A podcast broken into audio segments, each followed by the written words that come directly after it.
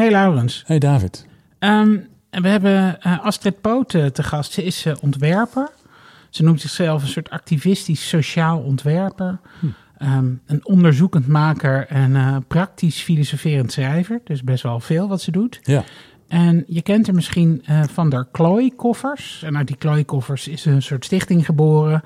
En dit heet eh, Lekker Samen Klooien, heet de stichting.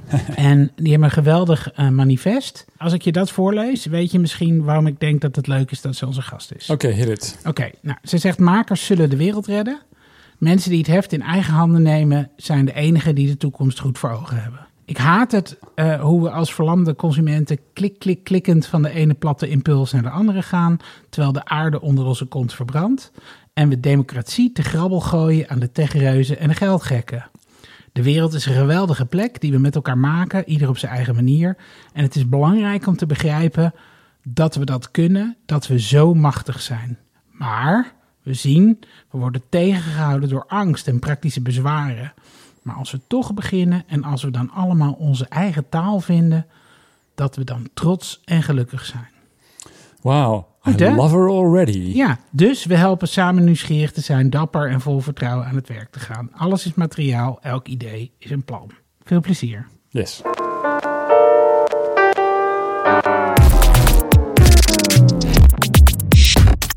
Glitch. Glitch. Glitch. Glitch.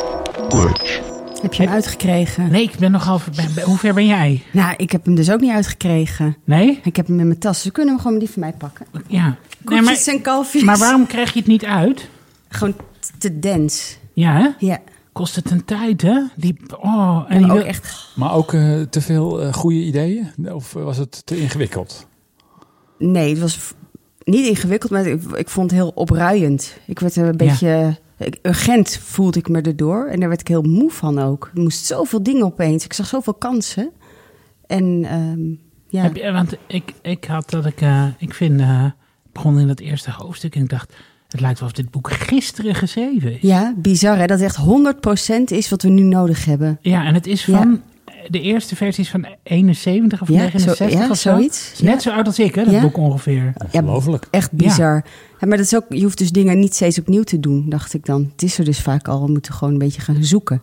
Ja, en, en, en ik had ook dat ik dacht, eh, het is ook hoe die het opschrijft. Het is niet alleen wat hij wil zeggen, maar het is ook heel, one-liner na one-liner staat erin. Dus echt, vond je niet? Ja, het is echt een heel activistisch boek gemaakt voor Twitter eigenlijk. Ja, Ja, je kan het echt gaan. Ja. Oh, we kunnen een papanek, eh, papanek moet ik zeggen, papanek bot beginnen. ja. Die gewoon, eh, Oh, en elke dag in de ochtend, voordat je begint te werken.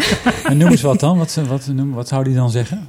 En hij Wat zegt, voor eh, soort dingen? oh, je moet, nu moet ik één zin, één zin die ik dan... nee, je mag ook Gewoon het gevoel dat je eraan overgehouden hebt. eh. Nou, dat, dat designers maar voor 10% van de bevolking werken, de rijkste 10%. Terwijl de problemen in de grootste 90% zich vooral voordoen. Dat je van goed design of rijk wordt, of eh, dat je goede dingen doet. Dus dat dat niet allebei kan. Dat heeft dan eh samen met uh, Bokmensen Fuller heeft dat gezegd. Van die ontwerp van die mooie domes, van die Ja. zelfdragende koepels. Ja, en dat, en dat gaat zomaar door. En, en dat je als ontwerper, je moet je verantwoordelijkheid nemen, punt. Er is geen, geen escape. Je moet niet vallen voor de verleidingen van het geld, de status. Hij, hij- hij maakt die verantwoordelijkheid van de ontwerper heel expliciet.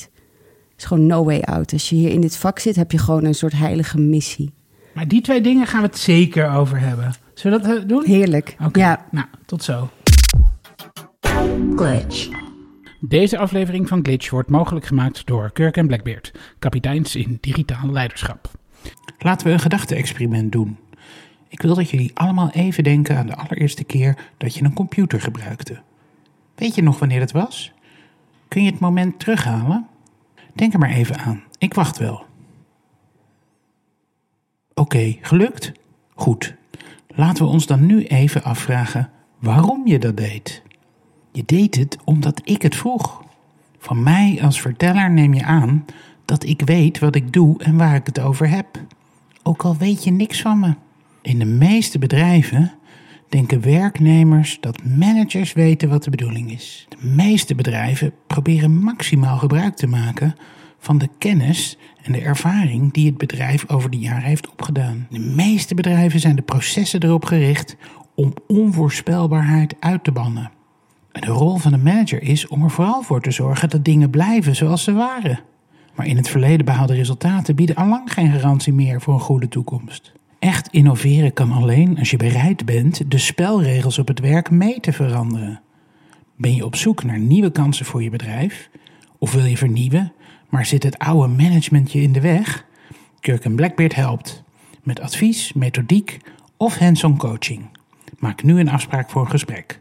Kijk op kirkandblackbeard.nl glitch, Astrid Pout, ik heb toch nog maar even het boek erbij gepakt.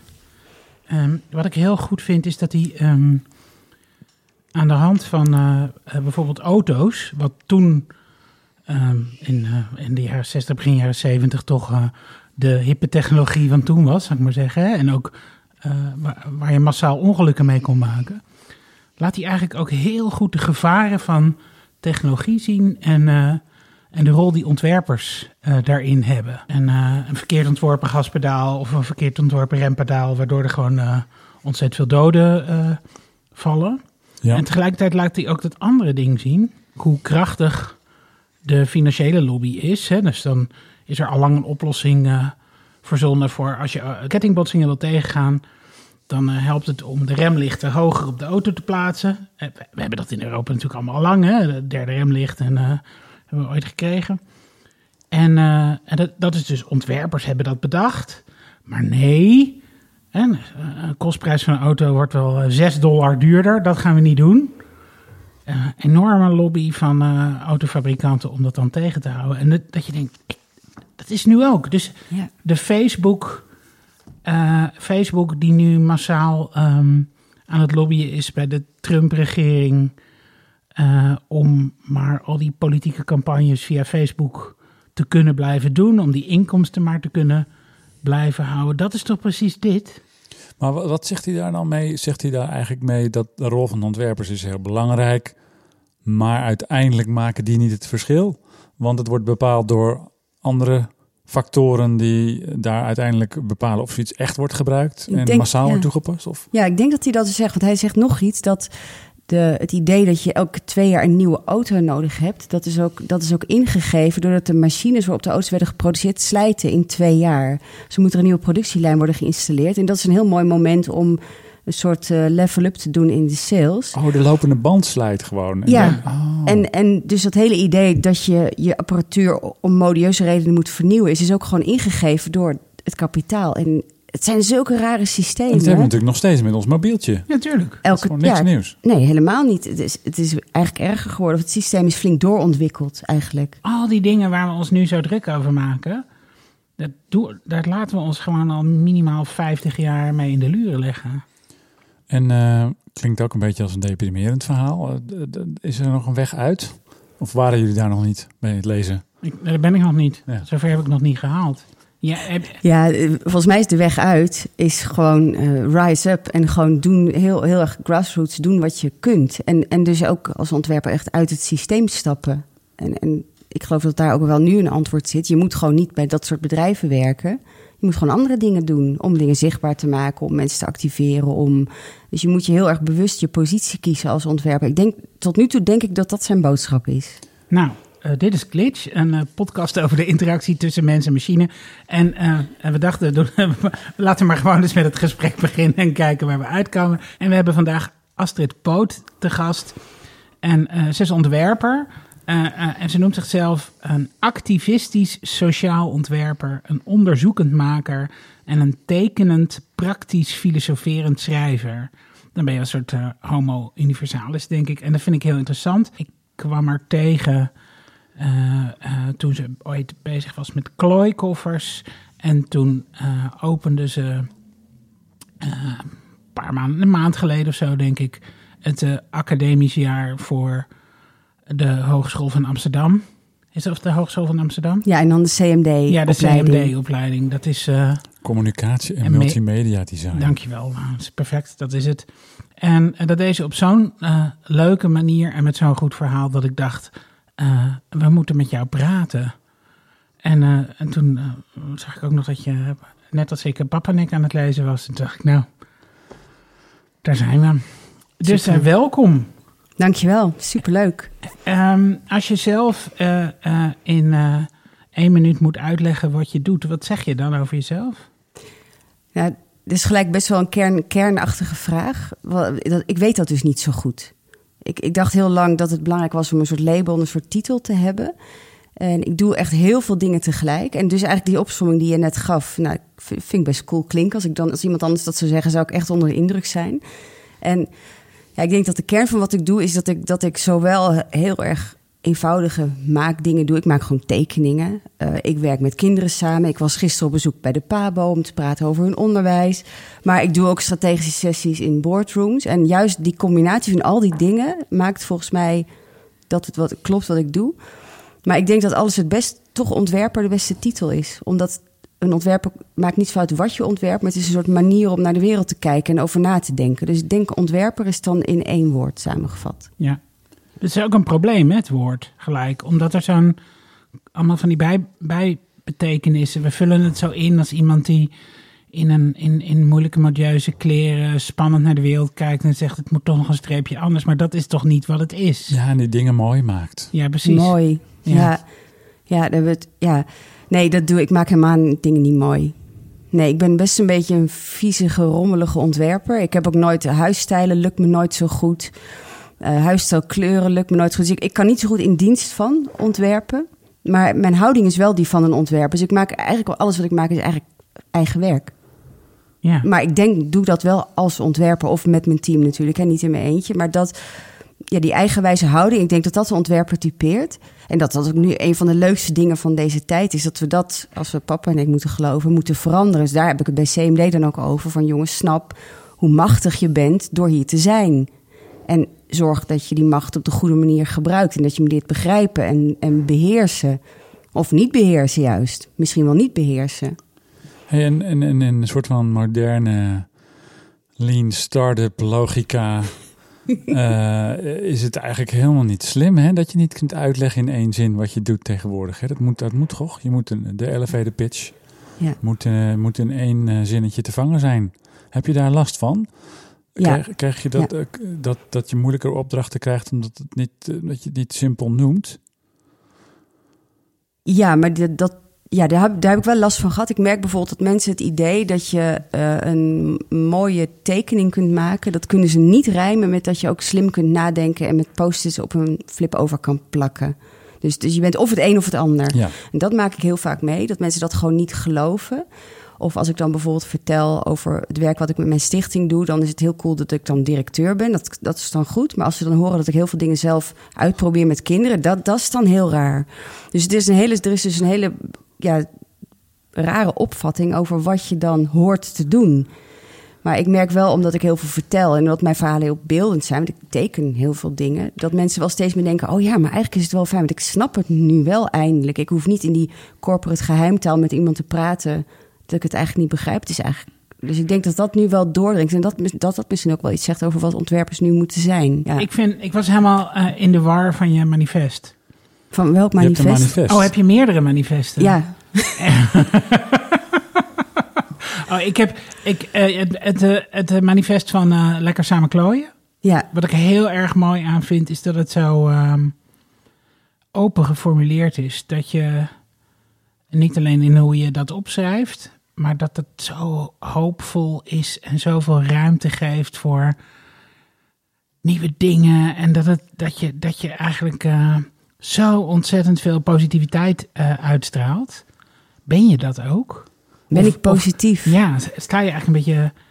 eh, ben je heel erg positief van nature? Ehm, nee, niet per se, denk ik. Ik ben eerder heel boos. Ik ben best boos vaak. Maar ik heb ontdekt dat als je... Nou, heel lang dacht ik dat woede is een lelijke emotie. Daar kunnen we moeilijk mee omgaan. Het is ongezellig in een meeting als iemand woedend is. Dat is allemaal onhandig. En, maar bijna alle dingen die ik zelf heb gestart... die komen toch voort uit een soort hele giftige verontwaardiging. En best wel boze woede. En uiteindelijk is het met de stichting bijvoorbeeld... eh, met een medeoprichter Peet is het gelukt om die woede tot iets heel vrolijks om te zetten. Ja.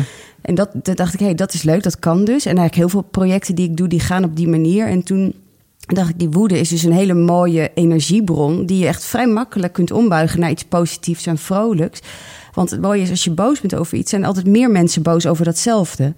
Dus als je dan een oplossing biedt, breng je dus heel veel positiviteit. Dus je kunt die woede vrij makkelijk ombuigen en daar ook mensen mee in meenemen. En dan wordt het dus heel vrolijk. Kun je dat, dus als je dat concreet... eh, waar was je zo boos over met die, voordat je aan de klooikoffers begon? Wat Nou, was je woede? Het was heel, heel concreet. Mijn, mijn dochter, die, was, eh, die, las, die zat toen op de basisschool. Die, las de, die had een abonnement op de Tina tijdschrift. Superleuk, hè? Je hebt de Donald Duck, je hebt de Tina. Nou, heel gaaf. Als je kinderen hebt, dan kun je dat allemaal weer eh, doen, zeg maar. Ja. En toen kwam ze naar mij toe en toen zei ze... Mama, ik heb gelezen dat ik voor het nieuwe seizoen een nieuwe tas nodig heb. Nou, dat past niet helemaal in mijn wereldbeeld. Maar als ouder snap je ook dat je niet meer in het wereldbeeld van je kinderen past. Dus dat is normaal. Dus ik ging die Tina's beter bekijken. En toen ging het over thee drinken en eh, tasjes kopen bij de Primark. En, en, eh, hunkjongens. En toen dacht ik, hé, wacht even hoor. Maar als ik dan even kijk wat, wat ik wil dat mijn kind is, dan is het niet dit. Ze was in een consument veranderd. En ze was nog heel jong. Ja. Nou, toen heb ik ehm, daar een, een gi- een giftige brief over geschreven naar de Tina. Eh, in gesprek geraakt ook met die Tina. En, en ook in overleg met die Tina. Mijn brief en, en het gesprek wat wij dan hadden gepubliceerd. Nou, dat was heel interessant. En ik heb een aantal eh, vrienden van mij die werken op een school in Den Haag. En die hebben met hun eh, pubers, dus meiden, hebben die meiden gevraagd van... Want we hadden voorgesteld, doe dan een rubriek over techniek en zelf maken in de Tina. Ja. Dan kun je dat weer balanceren. En toen had de Tina gezegd, nee, nee, nee, want de profielen van onze lezers, lezers willen dat niet. Toen dacht Lees ik, de ja, adverteerders. ja, lezers. Ja, ze hadden dus ook profielen. Ze hadden zo van die persona's gemaakt van hun lezers. ja, ja. Ja. En, en toen zei ik, ja, dat willen ze niet, omdat, je, omdat ze ook niet weten dat dat kan. Dat, hebben, dat is geregeld, zeg maar. Nou, en toen heb ik dus die meiden van die school, de populier in Den Haag... die hebben toen een voorstel gemaakt voor die pagina. Die hebben we opgemaakt, opgestuurd naar de Tina. Die is niet geplaatst, maar het is natuurlijk een geweldig verhaal. En toen hebben we inderdaad vrij snel daarna die stichting Lekker Samen Klooien opgericht. Zo van, kinderen moeten veel meer snappen dat ze producenten kunnen zijn... en niet alleen hoeven consumeren. ja. Dus dat was de concrete aanleiding. Ja, ja, ja. Heel boos dus. Ja, ja. En, dan, en dan heb je een oplossing en heb je een idee voor je eigen product. En dat slaat dan ook nog eens heel goed aan. Maar die Tina, die is niet die twee pagina's gaan publiceren. Nee. Nee, maar die meisjes die de Tina lezen, die hebben wel ouders die zien dat er ook andere dingen zijn in de wereld. Die zien het op school een beetje veranderen. We zien natuurlijk dat er nu heel veel aandacht is voor beta. De, de, de techniekopleidingen stromen vol. Dus het, als maar in totaal verandert er wel iets. Ook door Ja. dingen die ik schrijf, die ik Ja. maak. Dus Ja, ja, op- ja, je moet gewoon op heel veel manieren moet je dat aanpakken. Ja. Ja, en die Tina, ja, die zitten gewoon met hun businessmodel en hun persona's. Ja, dat, daar is het dus lastiger voor. Maar die gaan uiteindelijk ook wel mee. En die maken ook eh, steeds leukere stripjes over dieren en natuur. Dus je ziet daar ook wel beweging. Dus dat gebeurt wel. Dus dat, is dat hoe jij dingen wilt, hoe jij je verandering zou willen brengen? Dus niet de Tina veranderen, niet Sanoma, ik weet niet, is het van Sanoma? Eh, gokje. Eh, Sanoma proberen aan te pakken, eh, daar proberen binnen te komen en een verandertraject gaan doen, maar eromheen. Via andere dingen, via grassroots. Ja, ja, ik denk het wel. Ik geloof heel erg dat En- mensen machtig zijn en dat ze dat niet altijd beseffen. En dat je dat dus kunt activeren door ze dat te laten zien. En, en dan eh, dat mensen dan op hun eigen, ja, door zichzelf geïnspireerd, hun eigen wens die ze opeens voelen, dan ook weer diezelfde energie kunnen opbrengen. Dus het is heel anders dan een top-down benadering. Ja. Maar Papanek zegt eigenlijk ook, zei, hoorde ik net, ik heb het niet gelezen. Eh, ja, maar wij ook de- allebei nog maar tot de helft, hè, dus- Leuk, die ontwerpers die bedenken dat er een rem ligt bovenop een auto. Moet, maar er zijn andere mechanismen die, die zorgen dat dat niet gebeurt. Dus eh, die, die mechanismen moeten we wat aan doen. Ja, nou, ik denk als, als in die tijd, als pap en ik nu had geleefd, had hij natuurlijk een, een fantastisch stuk geschreven in samenwerking met de correspondent over de perverse eh, eh, systeem van de auto-industrie. En dan was het misschien wel veranderd. Dus we leven nu ook in een tijd waarin dat makkelijker kan. Dus dat is misschien wel het grote verschil met toen. Je gelooft echt dat dat kan, hè? Je, Ja. je- je- en heb je dat ook al zien gebeuren in het kleine? En heb je, heb je ook verandering gezien, gezien al, vooruitgang? Gevoeld, meegemaakt. Ja, al die dingen. Op, op, op kleine schaal vaak. Ik vind klein ook vaak heel goed. Hè? Je hoeft niet altijd meteen alles op te lossen. Maar dat maken, dat is nu vier, vijf jaar bezig. Ik werk nu ook veel samen met scholen om lesmaterialen te ontwikkelen. Of met scholen samen te kijken wat ze dan nodig hebben. Want dat is ook een benadering die scholen ook niet altijd meemaken. Dat het van onderaf komt. Nou, en dan zie je inderdaad dat steeds meer scholen techniek en maken in het onderwijs gaan aanbieden. Dat, dat, dat, dat ik mailtjes krijg. We hebben een van onze een van onze dingen die we hebben gemaakt is een poster met 50 gereedschappen erop die je als kind moet leren kennen voor je 12 bent. Die moet je een keer proberen. Ik krijg e- nog elke week mailtjes van ouders met een foto van hun kind met een groot bruut gereedschap. We hebben er weer een afgevinkt. Dus ja, er verandert echt wel wat. Ja, Nou, vond ik heel leuk. Eh, ik zag een soort, eh, volgens mij begin van dit jaar, schreef je een soort eh, terugblik op eh, 2018 voor wat je met je ontwerpbureau had, had voor elkaar gekregen. En vind, de, hè, dus eh, je zegt ja, 195 families gebruikten Hoi Dokter. Een soort, volgens mij een soort app die jullie gemaakt Ja. hebben. Eh, en gingen er dus wel meer dan 100 kinderen minder nerveus hun behandeling in. ja. En denk ik, ja, waar, dat, is, dat is ook ongelooflijk belangrijk. Dat, de, en waarom is dat niet een succes? Hè? Dus waarom, Ja. waarom hebben we allemaal pas het idee dat als het er een miljoen zijn, dat het dan een succes is? Terwijl je hebt gewoon eh 100 kinderen misschien een stukje gelukkiger gemaakt. Dat is toch heel goed? Ja, dat geloof ik ook heel erg. En ik denk ook, sommige systemen zijn ook zo groot, die kun je niet omduwen. Wat jij eigenlijk bedoelde, denk ik net. Maar misschien moet je dat dan ook gewoon maar niet doen. Want door daar tegen te duwen, ga je in feite ook weer mee in het systeem. Je kunt er gewoon langs. En, en ik denk als je als ontwerper eh, dingen doet en begrijpt dat, en ziet dat je invloed hebt, dat dat ook weer een soort zelfversterkend mechaniek is. Dus als je ziet dat die kinderen inderdaad relaxter in het ziekenhuis zijn, dan, ja, dan geeft dat weer wat nieuwe energie om er weer mee door te gaan. Dus je moet jezelf ook wel blijven belonen doordat je resultaten ziet van wat je doet. Ja. En eh, dat langs het systeem, hè? hoe doe je dat dan? Wat is, de- wat is daar het- gewoon voor jezelf beginnen en iets maken? Is het echt zo simpel? Of Ja, ik denk het wel. Als je het dan hebt over Hoi Dokter, dat is begonnen omdat een vriendin van mij een kindje had geadopteerd. En als je een adoptie doet, ik wist dat niet, maar de hechtingsperiode duurt ongeveer net zo lang als de zwangerschap. Dus er zijn er hele strenge regels voor hoe je de hechting goed moet organiseren. En een ziekenhuisbehandeling, wat onveilig en gevaarlijk is, hoort daar Ja. niet bij. Nou, het meisje moest wel een behandeling ondergaan. Toen zei de arts, we kunnen dat nu doen. En dan gaat ze genezen naar school. Of we wachten en we doorbreken die hechting niet. Maar dan heb je wel het probleem dat ze niet zo lekker op school kan starten. Nou ja, en ik Oh zat ja. er totaal mee omhoog. Dat was natuurlijk verschrikkelijk, zo'n situatie, zo'n Ja. dilemma. Nou, dat meisje sprak een andere taal, dus het was ook heel lastig om haar dingen uit te leggen. En toen heb ik een stripverhaal getekend, wat zij dan... Want haar moeder had inmiddels besloten dat ze die behandeling gingen ondergaan. En toen heb ik een stripverhaal gemaakt voor dat meisje, zodat ze het met elkaar daarover konden hebben. Want beeld is dan toch het meest universeel. En dat heeft ze heel goed bekeken, die strip. En nou, dus die behandeling is, is, eh, hebben ze ondergaan, ze kwam er weer uit. En, eh, maar toen dacht ik, ja, dit is dan één meisje en één stripverhaal. Er zijn natuurlijk meer mensen die een kind hebben wat eigenlijk niet zo goed voorbereid naar het ziekenhuis. We hebben, dat toen onderzocht. En er zijn, er zijn er plakkerige mappen of mappen met enge foto's. En dan zegt iemand, je hoeft niet bang te zijn. Maar ja, als je bang bent, bang zijn is prima. ja, Dus er worden onbewust heel veel fouten gemaakt. En we dachten ook, ieder gezin is ook anders. Je kunt geen uniforme voorlichting maken. En toen zijn we gewoon begonnen met het bouwen van een product. Kwam een stagiair, die heeft dat opgepakt. Zij is nog steeds de product owner erop en heeft een webby eh, ermee gewonnen. Dus dat is te gek.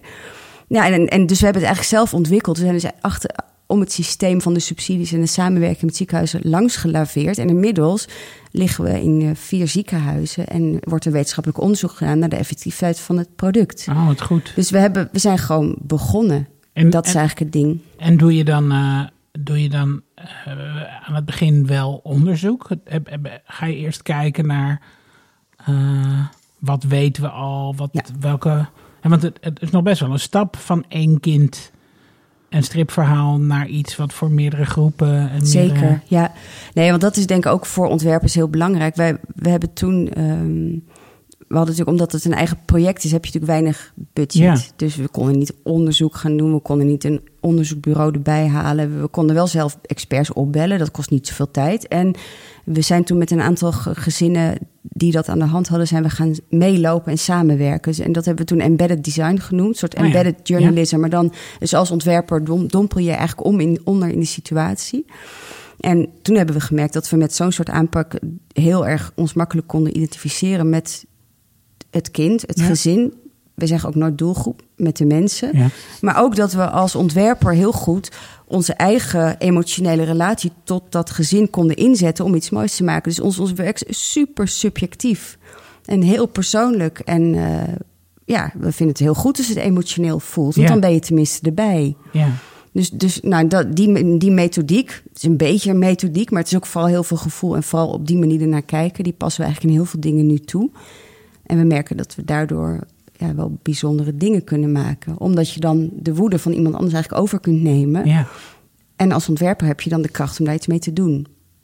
Eigenlijk, het lijkt wel alsof in heel veel eh, gangbare, eh, gebruikersgerichte ontwerpprocessen eigenlijk alles aan gedaan wordt om emotie eruit te halen. Hè?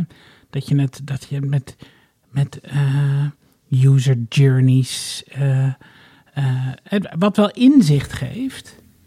Hè? En dan wordt die emotie soms nog wel gevangen of beschreven. Maar eigenlijk de emotionele connectie, dat is wat ik wil zeggen, wordt vooral heel erg uit de weg gegaan. En Ja. wat jij doet is eigenlijk het omgekeerde, is dat je zegt, je moet dat juist enorm aangaan. Zie je ik dat er- goed? Ja, je moet er echt meteen in. Zo diep mogelijk. Ja, want eh, het was heel leuk. We waren ooit met Hoi Dokter, we waren toen al een tijdje bezig. Dat was echt nog wel in de beginfase. En toen zijn we op bezoek geweest bij Isabella Granic. En zij is eh, professor, volgens mij in, in eh, Nijmegen op de universiteit. Zij doet onderzoek naar games en health. En we hebben toen haar ons product laten zien, wat toen nog heel klein was en nog niet echt onderzocht. En toen zei ze, was ze, was heel complimenteus. Ze zei: Ontwerpers doen heel vaak intuïtief het juiste. En toen dacht ik, dat is ook interessant. Want zij werkt met haar onderzoekgroep aan dezelfde vergelijkbare onderwerpen. En zij zei, ja, als je alles heel erg analyseert en weet... dan verlies je ook wat van je vrijheid in je denken. Ja. Dus toen durfden we dat onderzoek echt wat, nog wat losser te zien, zeg maar. Oké.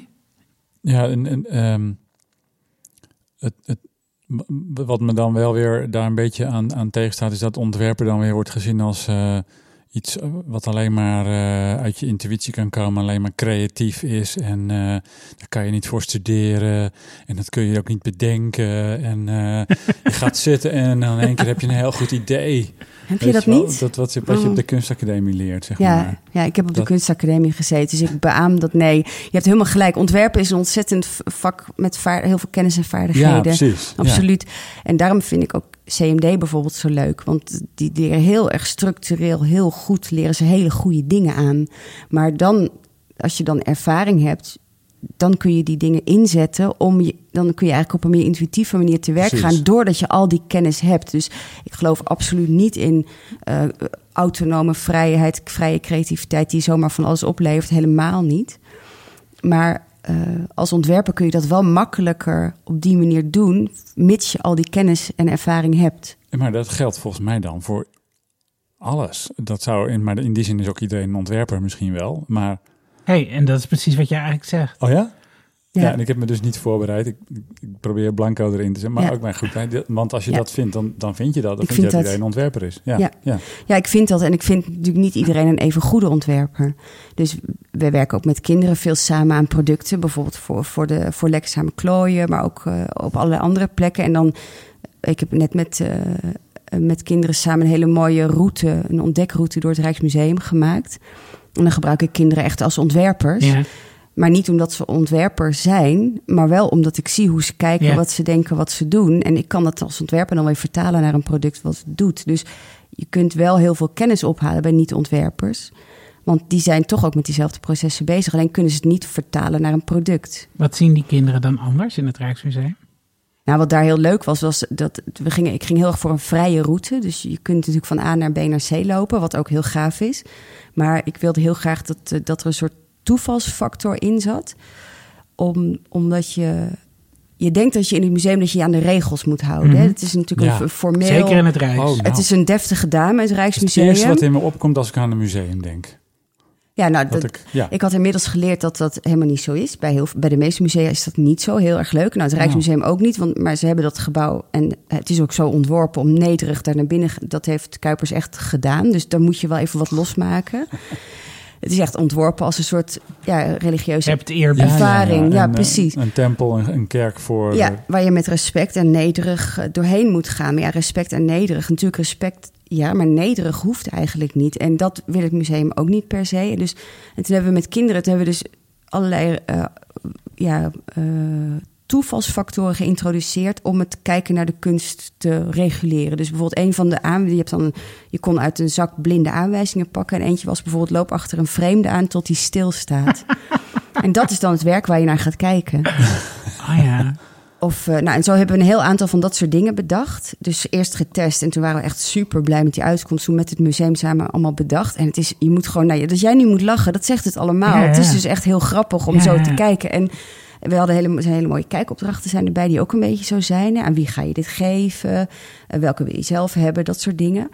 Nou, en, dan, en als je kinderen laat zien dat die ruimte er echt is om zo kunst te beleven, dan kijken ze voortaan altijd anders naar een museum. En, en nu weer terug naar jouw moment dat je achter die kinderen aanliep daar. En dat je bezig was met hoe kijken zij dan? Wat zag je dan aan? Maar ik loop er, ik loop er tussen. Hè, want Nou ja, ik, ga niet observeren. Ik doe natuurlijk gewoon mee. Ja, Eh, ja, de eerst, is er, eerst is er dan dat ongeloof dat dat echt mag.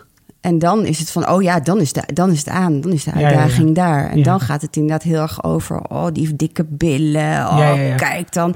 En er was één, één was echt het hoogtepunt. Het was een beetje einde dag. We liepen in de eregalerij op het eind. En toen was, hadden we de vraag getrokken van wat doen, deze, wat doen deze mensen als het sluitingstijd is? Nou ja, dan, Ja. dan gaan ze bij elkaar bezoeken. En dan wordt het echt een, nou, een feest wat Chaos. behoorlijk uit de hand loopt. En dat ze nog net op tijd klaar zijn met dweilen als het weer open gaat s'morgens. Ja, en dat, dan is er gewoon slappe lach. Ja. Ja, en dat is gewoon heerlijk. ja. Ja, Goh, ik moet toch maar weer eens naar het museum, geloof ik. Nou, zeker. En weet je wat je dan moet doen? Want ehm, ik was, ze hebben af en toe hebben ze eh, tekendagen in het Rijksmuseum. En dan, eh, en dan is de bedoeling dat je gewoon gaat kijken, maar ook gewoon zelf gaat tekenen. Ook, ook, ook als volwassene. Ja, ja, ja, ja, iedereen. En, eh, eh, je, en krijg je een, een, een, een, een, een kladblokje en een, en een potloodje. En ehm, ik, ik zat in de zaal van de nachtwacht en gewoon iedereen lag en zat op de vloer. En, en het had zo'n totaal ander, ander gevoel en andere... En, en het mooie is het dus niet alleen dat je anders Maken. kijkt, maar je ging ook de hele ruimte ging je anders beleven. En ook je verhouding tot dat hele museum en wordt dan heel anders. Ik vond het echt magisch. Als het, ik moet meteen, jij, jij vindt vast ook dat volwassenen ook meer moeten tekenen, als ik dat zo bedenk. ja, ja niet iedereen houdt van tekenen. Dat is wel echt een ding. Eh, ja, want als je tekent, bijvoorbeeld natekent, zoals in het museum... dan kijk je ook veel beter. Ja. Dus tekenen is echt vertragend.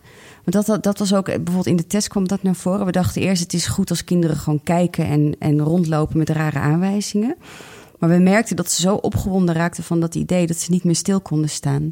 Dus toen hebben we echt expres die vertraging van het tekenen erin gebracht. Want dan ga je echt kijken.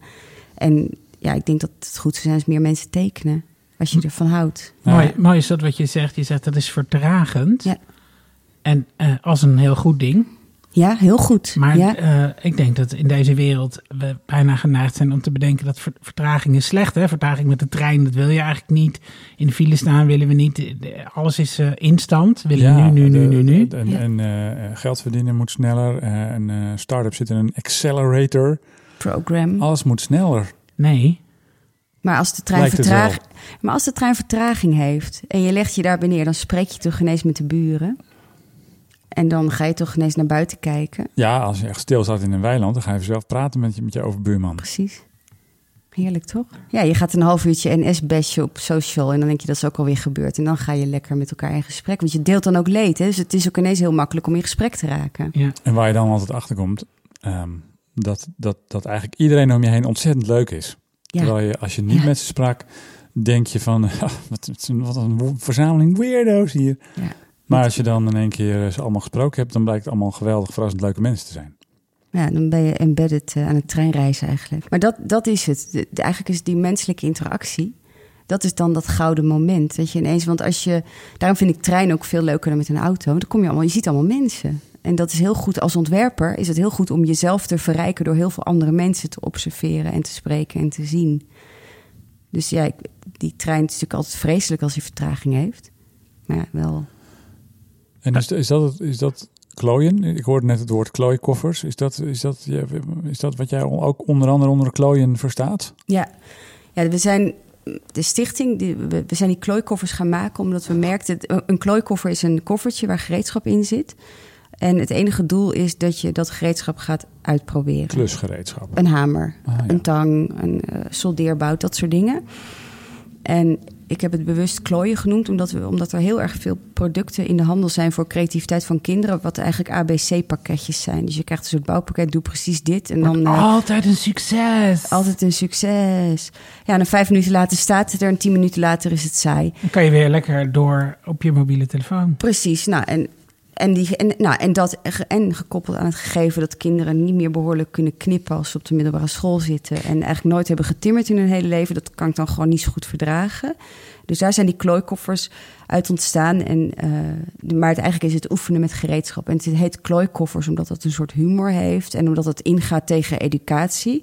Maar het is ontzettende educatie natuurlijk. Ja. En dat is ook te gek. Ik ben dol op educatie. Ja, maar op een andere manier bedoeld. Niet op de traditionele manier. Nee, en, en, de, en de traditionele manier, er is heel veel traditionele hele goede educatie. Maar voor zo'n product als gereedschap leren kennen, is het is als je, als je erop zet, leer de hamer kennen in drie snelle stappen, is dat een stuk minder aantrekkelijk dan als erop staat, eh, lekker klooien en succes ermee. En het is ook het is een soort humor die helpt. Hè. We hebben ook eentje gemaakt met messen. En er zitten bijvoorbeeld pleisters in. En dat ouders dan vragen waarom zitten er pleisters in. Terwijl ze het vragen, denken ze al, oh, zo Ja. heftig. Ja, en dat, dat, maar dat, dat gevoel, dat is wat we daar heel erg mee proberen te doen. Maar ondertussen is het, zit het echt heel goed in elkaar. Dus het is niet zo klooierig als het lijkt. Ja, dus, dus je moet zeker wel kennis opdoen. De kenniscomponent is super belangrijk in alles wat je wil leren. Maar je moet wel vrij snel daarna er ook zelf mee aan de slag kunnen. Ja. En dat ook mogen. Dus, dus, dus de kennis is altijd het eerste. Maar zodra je dat een beetje hebt, moet je ermee aan de slag gaan. Is dat, je, is dat wat je dan ook... eh, je zei, ik, ik was gisteren op eh, de PABO vertellen over... Ja. Is dat wat je dan ook tegen aankomend PABO-studenten zegt? Of? Nee, nee, ik, tegen is altijd een beetje moeilijk. Hè? Ik was met de Pabo in gesprek. Eh, nee, ik, ben, ik schrijf, ben een boek aan het schrijven over maken in het eh, basisonderwijs. En eh, omdat ik als ontwerper daar van alles van vind, dat gaat tot op zekere hoogte goed. Ik, ik, ik heb natuurlijk veel met scholen ook al samengewerkt, maar heel bewust kies ik, ga ik natuurlijk ook scholen en experts opzoeken om het erover te hebben. Dus ik was nu op de Pabo in Groningen, waar ze heel erg op een hele pragmatische manier bezig zijn met dat maakonderwijs. En daar ging ik met de leerkracht, die, of de docent die, die dat aan de studenten leert, ging daarover praten. Van hoe leer je dat dan als studenten geen voorgrond daarin hebben, hoe, of geen, eh, geen achtergrond Ja. bedoel ik. Hoe leer je dat? Hoe nemen studenten dat mee naar de scholen die er misschien geen zin in hebben? Hoe ga je met al die dingen om? En daar, om daarover te praten was ik daar. Dat was fantastisch. Ja. En er was één ja, dat is wel echt het mooiste ding wat, wat ik heb gezien. Dat gaf ook heel erg aan hoe zij daarin stonden. Er was een kast, want uh, Maak hoort een beetje bij science, dus biologie, al die vakken. Een kast met allemaal opgezette beesten. En die waren, zagen er echt verschrikkelijk slecht uit. Dus heel rommelig, rafelig en vies. En er zat allemaal schroeven door de pootjes. Nou, echt heftig. En toen zei ze, ja, ja, dat nemen dan de studenten mee naar de klasse... Op, naar, van hun stageschool. En dan mogen de kinderen het aanraken. Dus zij geloven ook heel erg dat je, je moet, dat is echt de visie van de school. Je moet het, het moet in, het, in de echte wereld zijn om iets te, los te maken in een kind. Dus die kinderen zitten allemaal, die hele kleine, ze hadden zo'n goudhaantje, zo'n supermooi beestje. Die was helemaal opgefrotteld. Omdat al die kinderen dat beestje dan gaan aaien als de biologieles gaat beginnen. Maar dat is dus heel erg hun visie op onderwijs. Daarom past maken daar ook zo goed in. Maar het gaat dus heel erg over met je handen zien. Ja. En dat is denk ik ook een teken destijds dat dat weer nodig is en dat dat weer in het onderwijs een mooie plek krijgt. Ja. Mijn vrouw uh, doet de pabo. Mm-hmm. We hadden laatst een opgezette vos in de bijkeuken. Oh, wat een feest. Ja, echt. Echt. En ook uh, uh, dat je de deur open doet en dan even vergeten bent dat dat beest er staat. En dat je je reptiele brein aangesproken wordt omdat je bent... Shit, is dat een vos in de bijkeuken? En dan pas bedenkt, oh nee, dat is een opgezet beest. Heb je hem al geaaid? Ja, tuurlijk. Ja, lekker hè? Ja, ja. heel fijn. En mooi hè ook. Kan dus gewoon ook in Amsterdam. Is gewoon een instelling en kan je als leerkracht naartoe en dan kan je een vos lenen. Ja, voor op school. Ja, dat is toch fantastisch. Ja, het is echt fantastisch. Dan ben je de juf met de vos in de tas. Ja, dan heb je het gewoon gemaakt. Ja, volgens ja. mij wel. Ja. ja. ja. Wat is jouw vos in jouw tas? Is er iets wat je weet, als ik dat meeneem, dan uh, heb ik een goede dag? Ik heb altijd best veel zakmessen bij me. Gereedschap heb ik veel in mijn tas. Ja. Dus ik kan dan heel tevreden zijn als ik dan... Laatst was ik aan het fietsen en toen was mijn spatbord eraf gevallen... omdat het helemaal doorgeroest was. En toen kon ik met wat ik in mijn tas had dat gewoon heel goed repareren. En daar was ik echt zit vrede over. Ja, dus ik had blijkbaar ijzerdraad. Ik had een Leatherman, ik had al die dingen. Toen dacht ik, ja, dat is, ehm, daar kan ik heel gelukkig van worden. Maar het is niet zoveel scoren als een vos. Nee, dat niet. Ja, Het doet me ook een beetje eh, als een personage door Quentin Blake eh, getekend personage uit een Roald Dahl boek. Eh, Ik? Ja. Gaaf. Oh, dat vind ik wel tof. Eh, de- Die zet ik nog bij mijn rijtje. Ik, ik weet niet, ik weet even niet hoe het verhaal heet, maar er is zo'n zo'n boek van een mevrouw die heeft een fiets. En elke keer denkt ze, oh ja, mijn fiets, ik kan er nog iets aan doen. Er moet nog iets bij, er moet nog iets bij. Wat deze fiets nodig heeft, zegt ze, en dan bedenkt ze weer nog iets. En maar die heeft ook altijd zo'n zo'n tas met gereedschap waarvan alles uitsteekt. Volgens mij ben jij dat wel een beetje, zo'n soort leuk. iemand.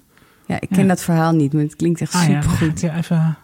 Even vanuit mijn blanco perspectief. Dus dit eh, klinkt allemaal heel erg, dat klinkt echt heel erg gaaf en inspirerend. En eh, ook wel een beetje bijna te mooi om waar te zijn. Om zo naar de wereld te kunnen kijken en om zo te kunnen werken. Ehm, en in een perfecte wereld eh, zijn burgers, nemen burgers zelf het heft in handen, verenigen ze zich en wordt de wereld beter. En hebben we, een, hebben we de commons weer terug, hebben we nemen we, nemen we, hebben we eigenlijk geen, eh, geen overheid nodig en ook geen grote bedrijven, kunnen we dat zelf allemaal organiseren. En eh, dus, de, maar het, hoe, het, voor mij illustreert het ook hoe moeilijk het is om echt iets te veranderen, iets groots, grote dingen te veranderen in de wereld. Hoe kijk je daar tegenaan? Dus ik denk dat, dat de sleutel inderdaad toch ook zit in, in het veel, dingen veel gewoner maken. Dus als wij, als ik inderdaad bij de PABO ben en ik vraag aan de docent die daar de leraren opleidt, wat voor hele concrete, makkelijke dingen heb je dan nodig om volgende week het makkelijker te kunnen doen, dan heeft ze echt een heel concreet lijstje. En de week daarna heeft zij dat, heb ik dat voor haar gemaakt. En dan verandert er wel iets. Want er zitten 30 studenten in die klas, die nemen dat allemaal mee naar die stageschool. Dus ik denk, denk dat, dat het heel goed is om het debat op hele intellectuele niveau te voeren. Maar ik ben echt geen intellectueel. Ik ben een ontwerper. Ik zeg het nog maar eens voor de vijftigste keer. Dus ik ga gewoon dingen maken. En ik denk dat dat misschien dan aanvullend heel belangrijk is. Dus je moet heel erg op hoog niveau alles adresseren. Waarbij het risico is dat je intellectueel bent en moeilijk benaderbaar voor mensen of moeilijk te volgen misschien Wat, soms. wat vind je dan, en- inte- is intellectueel dan eh, dat je dingen moeilijker maakt in, jouw in jouw ogen? Nee, nee, dat je, dat je ze precies doet zoals je denkt dat je ze moet doen. Maar dat, dat de discussie over de grote thema's in de wereld, die leven niet op alle niveaus in de maatschappij. Dus als je, als je inderdaad hele belangrijke discussies voert over de commons, de kans dat eh, de juf op het schoolplein, die heel druk is met haar groep 6, daar ook van weet, is gewoon niet groot. Nee. En dus moet je die discussie zeker blijven voeren. Maar ondertussen moet je aan de andere kant de mensen zelf veel sterker maken. En ik denk wel dat. Maar die juf in de klas, die eh, heeft dagelijks kinderen uit allerlei verschillende achtergronden. Ehm, die is eigenlijk de hele dag bezig om een soort commons in die klas te creëren. Ja, ik geloof ook dat, dat het onderwijs een van de belangrijkste dingen in de wereld op dit moment is. Dus ik was echt, nou, ik ben, je, je vroeg, ben ik een optimistisch mens? Nou, eh, eigenlijk vanaf de, de derde, deel- vanaf het, eh, eh, de, begrotings, de begrotingsgesprekken in de Kamer en alles wat daarna volgde, wat politici hebben laten zien ten aanzien van onderwijs. Ik ben op een gegeven moment, heb ik Twitter niet meer gecheckt. Ik, kon, ik kon gewoon niet meer tegen de, ja, de, de toch op mij overkomend als minachtende houding naar de hele gewone onderwijzers toe. Terwijl we in Nederland hele gelukkige kinderen hebben die over het algemeen heel goed van school komen, die, die, heel, goed, die heel goed kunnen spelen, die heel goed kunnen denken. Dat, nou, ik denk dat dat het gif van deze tijd echt is en dat je daar dan ook de grote systemen wel in terugziet. Dus die juf en meester, dat zijn, dat zijn sowieso veel belangrijkere mensen dan wat ik doe, Eh, zonder enige twijfel. En wat jullie doen, ik ben zo vrij om dat toch ook hoor, te zeggen. gelijk. Ja, je hebt gelijk. Dus je, je zegt eigenlijk, ik ben niet intellectueel, maar je, maar je weet toch dat die abstracte thema's en die wat moeilijk zijn, ook wel heel goed om te zetten naar tastbare, concrete dingen die mensen op een kleiner niveau kunnen doen.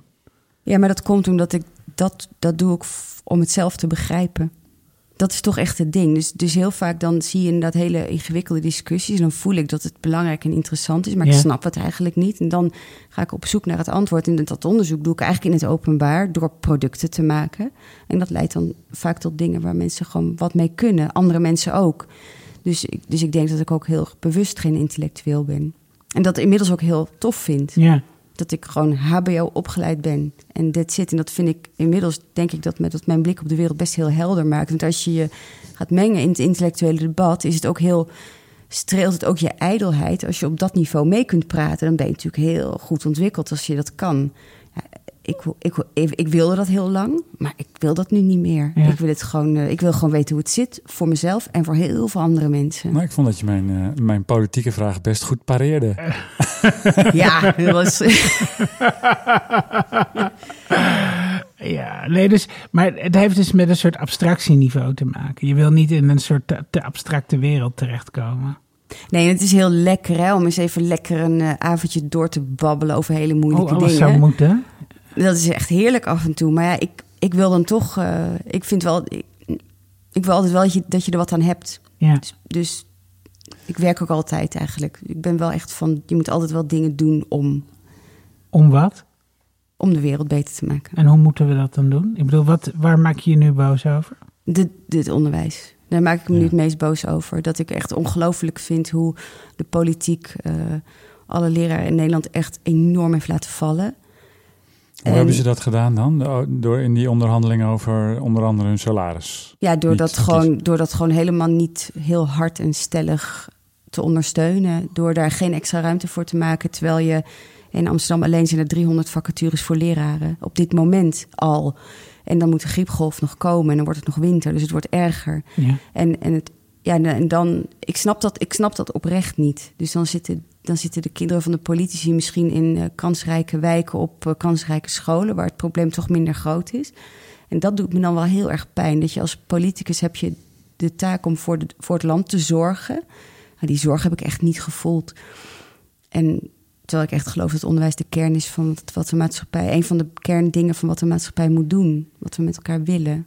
En er is ook heel veel discussie in. En daar heb ik zelf ook aan geërgerd over dat het onderwijs zelf toch eigenlijk helemaal niet klopt. En anders moet en niet aansluiten op deze tijd. En de 21st century skills en noem maar op. Ja, daar ja. al die Ja, discussie. en eh, laten we nog eens een hele batterij technologie naar binnen rijden daar. het Ja. iPad-scholen. Ja, Ja, wat, wat, je. Wat maar ik, dat, is het, dat is er dus niet mis. Vol, nee, niet, dat is niet dat is helemaal niet mis. Als, als dingen al heel lang zo gaan, zijn ze vaak ook gewoon heel goed. Want anders waren ze er wel uitgesaneerd door slimme mensen. Of gewoon normale mensen. Nee, dat is, dat, dat is best een heel belangrijk iets. Want er is, wel een soort, er is wel een soort patroon. Je hebt natuurlijk in Silicon Valley ook altijd van die mensen die opeens spijt krijgen, zo rond hun dertigste. Dus hebben ze kinderen of, of de tweede serie kinderen. En dan eh, hebben ze ineens een soort wereldbeeld wat kantelt door die lieve kinderen. En dan ineens snappen ze dat ze hele slechte dingen hebben gedaan in hun verleden als techno-utopist. Ja. Nou, en dat zie je in het onderwijs eigenlijk ook. Dan, dan, dan gaan de kinderen van deze mensen naar school en dan zien ze eigenlijk dat school nog best wel lijkt op hoe het bij hun was. Hoe kan dat nou? Want het is heel hip om te zeggen dat je ondanks alles toch zo goed bent geland en zo. Dus dan, dus dan gaan Dat de zeg mensen. ik ook altijd. Ja, zie, nou, ja. nou, en dan, en dan, nou, en, dan gaan de, en dan gaan de mensen dus zeggen, die gaan dan zeggen van, oh ja, maar ik zie dat dat veel beter kan, want in het bedrijfsleven gaat het heel anders, Ja. hè? Wat ook zo is. Dat zeg ik ook altijd. Maar wat ze dan vergeten, er zijn twee belangrijke dingen die ze dan vergeten. Ze vergeten sowieso dat zij die gedachten kunnen hebben omdat ze heel goed onderwijs hebben gehad. De Ja. kennis is behoorlijk op peil gebracht in het traditionele onderwijs om zo vrij te kunnen denken. Tada, dat is één. En de andere is dat. ehm, eh, oh, ik was vergeten wat ik wou zeggen. Weet je wat we doen? Gaan we even eh, eh, naar de sponsorboodschap luisteren. Echt wat goed. glitch, Er zijn van die vragen die in elk project terugkomen. Gaan we de login zelf bouwen?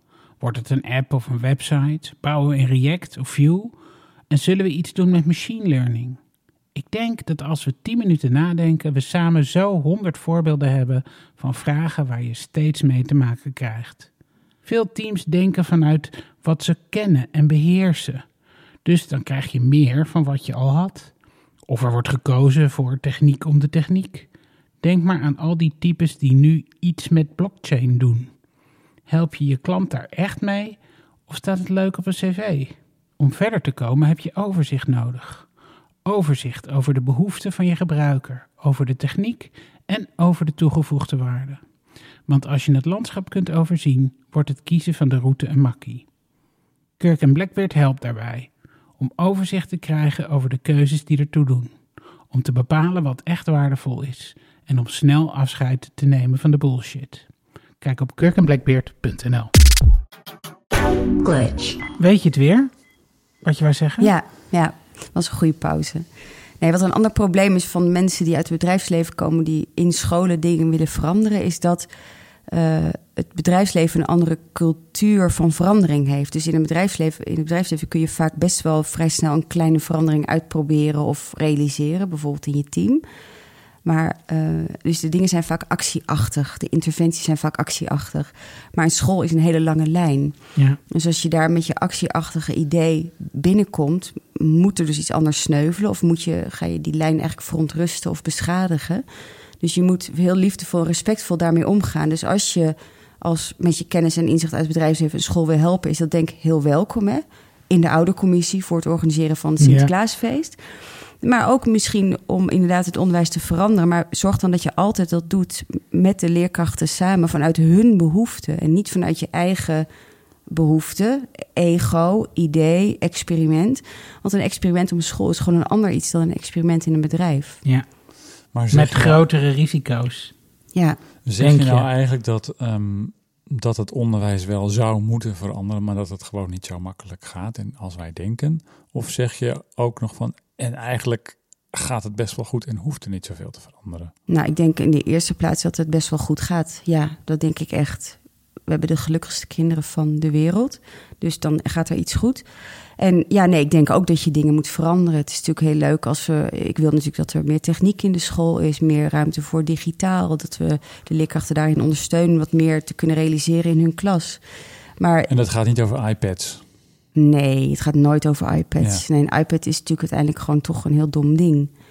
En, eh, maar het, het, het moet dus met aandacht en liefde, want anders beschadig je te veel. Als je een, een school helemaal verandert, dan heb je het risico dat je een hele generatie kinderen rommelig opvoedt. En dat dan de Ja. resultaten aan het eind van de school wat zullen tegenvallen. Dus je moet heel voorzichtig zijn. Ja. Want heel veel leerkrachten willen ook wel graag dat de dingen veranderen. Maar dat is wel moeilijk, omdat je in een groot systeem zit. Ja. En misschien, ik, ik realiseerde me ook dankzij mijn vrouw die de PABO doet. ehm, onderwijzers zijn eigenlijk net als acteurs. Hè? Een eh, acteur heeft als enige gereedschap zichzelf. Hè, ehm, en dat is, een onderwijzer heeft dat eigenlijk ook. En dat betekent dat als je wil veranderen, dan moet je eigenlijk zo intrinsiek achter die verandering staan. Anders gaat het niet. Anders heb je gewoon letterlijk fysieke weerstand Ja. tegen dat soort dingen. Nou, en het is ook heel goed om die kracht te voelen Ja. als leerkracht. Dat, Ja. je, dat je dus ook daardoor heel koppig bent naar ideeën. Want het moet echt heel goed zijn. Ja, Maar wat je ondertussen ook ziet, is dat er heel veel technische oplossingen worden voorgesteld om het onderwijs effectiever te maken. Dus een docent op afstand, eh, Ja. met grotere groepen en dan centrale instructie digitaal. En, maar oh, niet doen, niet doen. Nee, want uiteindelijk als, als, als mijn kinderen thuiskomen... dan hebben ze het over de docent die iets deed. Of dan gaat het heel erg over de relatie van het kind met de leerkracht of de docent. En het is, dat is ook weer dat idee dat je, dat je dus de docent kunt vervangen door techniek... Nou, dat je dat durft te denken en durft te pitchen in een of andere boardroom. Ik vind dat je er echt voor moet schamen als je zo denkt. Dat, dat vind ik echt heel stuitend. hoe, hoe komen we daarvan af? Welke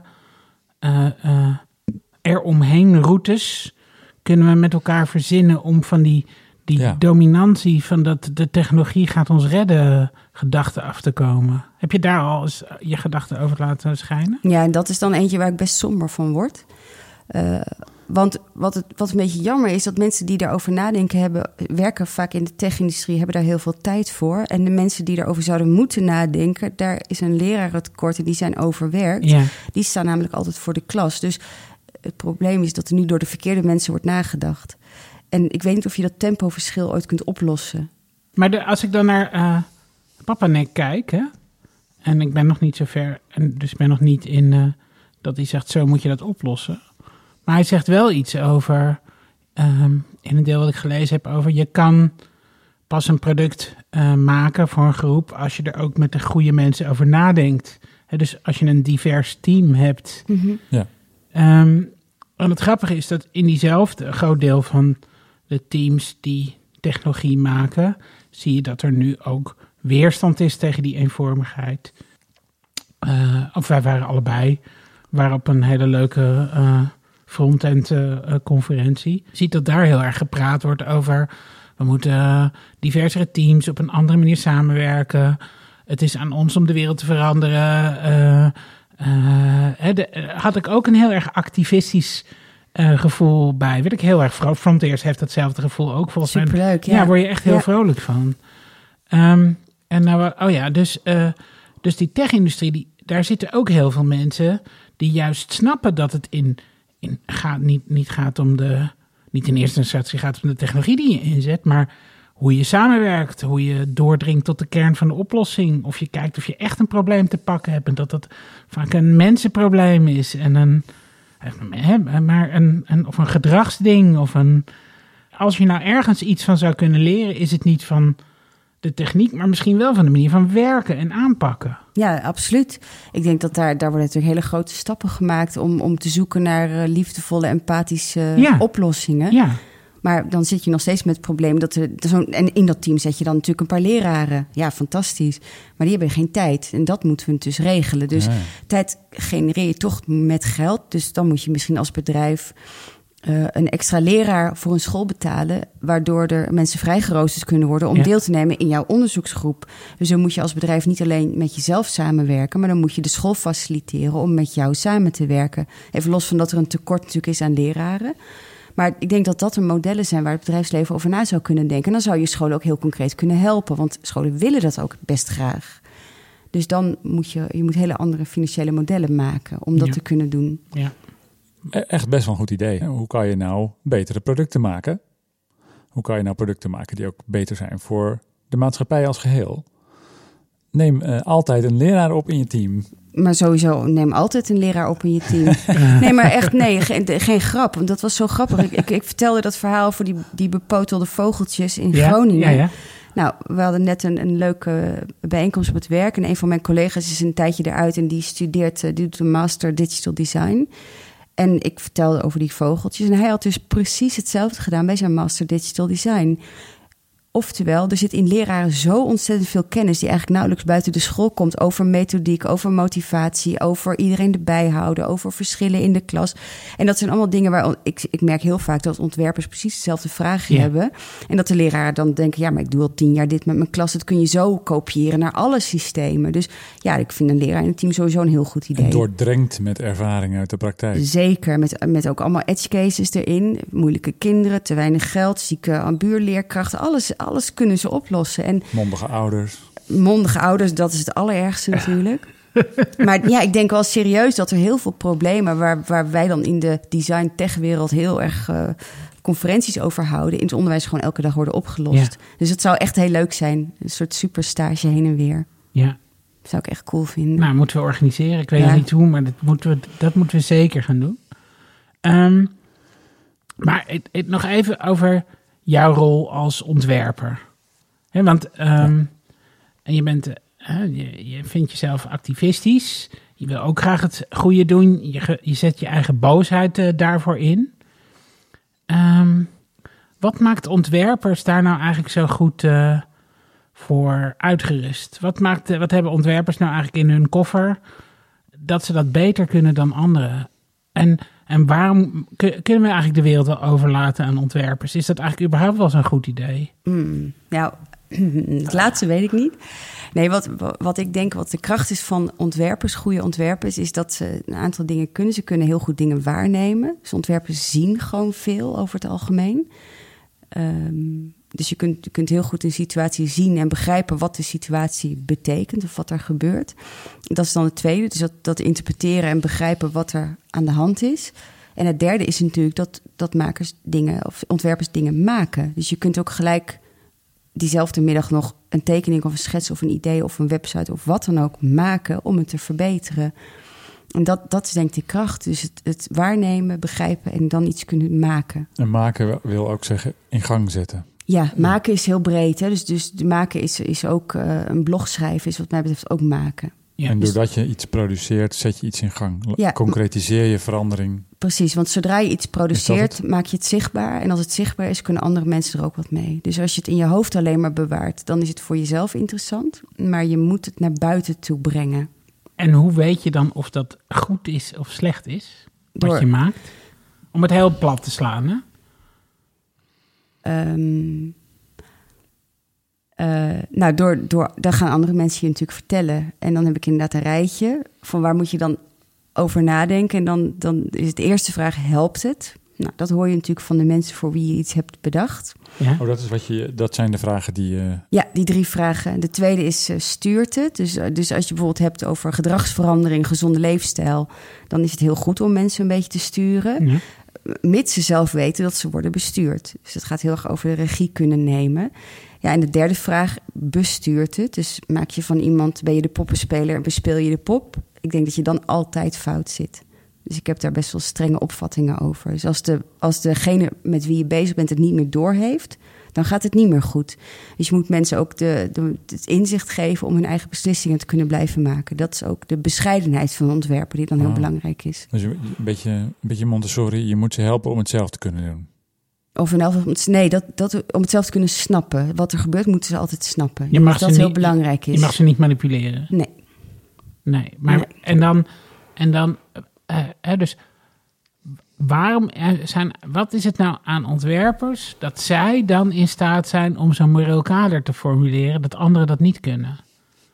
En kunnen ze dat wel?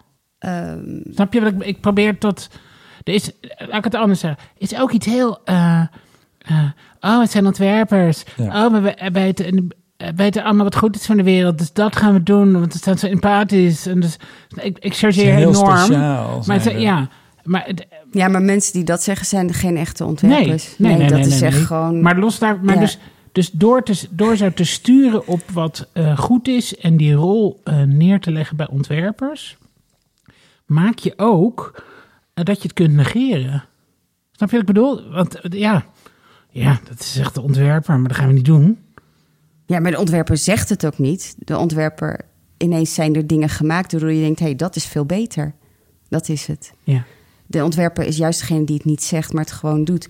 En mensen die het zeggen, hebben we echt genoeg. Hè? Dat, daar staan alle kranten altijd vol mee. En dat is ook belangrijk. En dat heeft denk ik niet zoveel effect. Want je kunt heel makkelijk de Groene Amsterdammer die week niet lezen.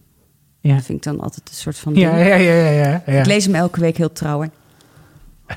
ik vind het echt super moeilijk soms. Nee, en dat is denk Ik ik, ook. de kracht van de Nee, ik ontwerper. ook. Ik, ja, ik ook. En ja, Ja, oh, het is een soort ge- en dan komt er Donald Duck en de groene tegelijk in de En post. hè? wint de Donald Duck het, mij, ja, ja. ja. Ja, Ja. hoewel ik ook dan wel echt blij ben dat het nog bestaat. Maar het is soms ook wel echt zware kost. Maar goed, dan... Het verschil met de ontwerper is dat die gewoon op het haperende stoplicht een sticker kan plakken. Haperend stoplicht. En dan denken mensen, oh, dit is een haperend stoplicht. Dat is handige informatie. Dus het is echt die oplossing die het anders maakt. ja. En als je een echt goede ontwerper bent, dan hecht je ook aan dat dat klopt. En dus, dus de, de, de zelfingenomen ontwerper met het Duitse accent die jij net ineens was, ja. Ja, die is blijkbaar alleen maar met zichzelf bezig. Maar een echte ontwerper laat zich ook beroeren door de mensen voor wie die iets maakt. Dus je De- moet ook echt die ontmoeting echt opzoeken. Dus ontwerpers moeten niet praten, maar die moeten communiceren met hun werk. en met, hun, met de mensen voor wie ze werken. Nee, natuurlijk, om heel veel dingen te Ja. bedenken en hun, Ja, ja. en hun werk te toetsen misschien. Maar Ja, dus de ontwerper moet altijd de hand kunnen schudden met degene voor wie die Tuurlijk, dingen maakt. En trots kunnen vertellen over de ideeën. En als je daarvoor schaamt, dus als je bijvoorbeeld een heel groot eh, e-commerce platform ontwerpt, maar de eindgebruikers alleen ontmoet via de rapporten die je terugkrijgt, dan denk ik dat het goed voor je is om ze wel even te ontmoeten, omdat je werk dan beter wordt. Of eh, dat je een filmmuseum hebt ontworpen, maar weigert bij de opening te zijn omdat er ergens een brandgang is aangelegd waar je niet achter staat. Vanuit de esthetiek. Ja. ja. Oh, dat is wel heftig, ja. Ja. Dat is niet heel dienend, hè? Nee, dat, eh, Ja. is, daar word ik altijd heel boos Dat is over. heel, ja, ontwerpen is echt extreem dienend, wat mij Want, betreft. want wa- wat, waar zijn, de- daar kom ik even op het puntje wat ik nu. wa- Wat kunnen ontwerpers dan niet zo goed? Ja, ik denk dat ontwerpers niet zo goed eh, de extreme vergezichten kunnen schetsen. Dus als je zegt van heb, als je het echt hebt over radicale, grote, nieuwe toekomstbeelden, die je wel belangrijk, hebt als, belangrijk zijn als inspiratie, denk niet dat die van de ontwerpers meestal komen. Want die zijn te veel Visie. van de visie. Ja, nee, ja. Ontwerpers zijn gewoon van de oplossing. En de, de, de, de- het romantisch vergezicht, dat, dat moet juist ook een beetje gespeend zijn van realiteit. Om inspirerend te zijn voor de ontwerpers. Dus ja, nee. oh dus- ja. Oh ja, oké. Ja, dus, ja, ja. dus ik denk dat dat, een, dat dat een interessante is die ze niet kunnen. Wie visie wil, moet naar de oogarts, zei Mark Rutte. Eh weet er heel veel van, hè? Visie, visie is de olifant die het uitzicht belemmert, zei Mark Zei die Rutte. ook. Ja. Echt? Ja. Hebben, jullie, jullie een Mark Rutte scheurkalender?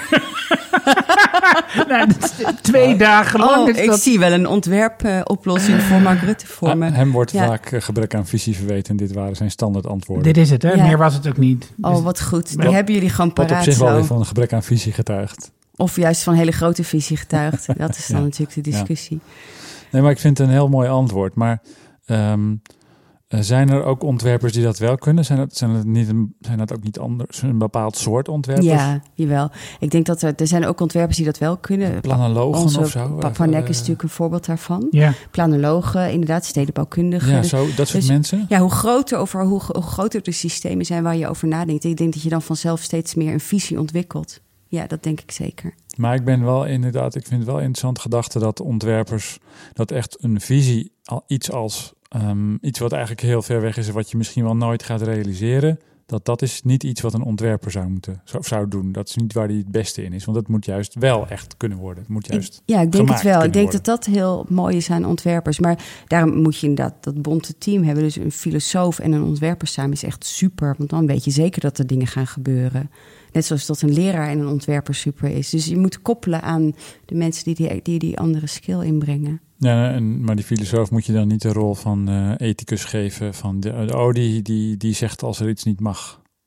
Ja, of die kan die vergezichten opdromen, denk ik dan. Stel ik me Dat zo wel. voor. Ja. Ja. het ligt natuurlijk ook weer aan wie het is en waar die over nadenkt. Hebben we in Nederland nu eh, meer ontwerpers nodig of meer visionairs? Ik denk gewoon ontwerpers. Ja. Want, want ik denk dat heel veel van de problemen ook best heel goed op te lossen zijn als daar maar de energie en de wil in wordt gestoken. En in de politiek hebben we natuurlijk visionairs nodig. Maar gewoon op, de, op, een, soort, op een soort maatschappelijk niveau. Maar het- het dat wel- heel veel Soms denk ik dat, het, dat we dan een soort omgekeerde wereld hebben. Dat de politiek probeert eigenlijk alleen maar pragmatisch alledaagse dingen zo'n beetje weg te oplosserigen. En, eh, en, en, en heel veel ontwerpers die je dan in de, in de media tegenkomt. Kug, eh, Daan, eh, Kug, hoe heet die ook alweer? Ehm, Rozen. Rozen, eh, ja. Eh, die zijn alleen maar aan het dromen van grote, los van de wereld gezongen dingen. Ja, maar ik denk dat hij... Is het niet gewoon allemaal omgekeerde wereld? Nou, ik denk dat hij ook geen ontwerper is, maar een kunstenaar met een ontwerpvocabulaire. Ik denk dat Ja. dat het is. Hij is helemaal geen ontwerper. Nee. En Hij is ook helemaal geen kunstenaar ook trouwens.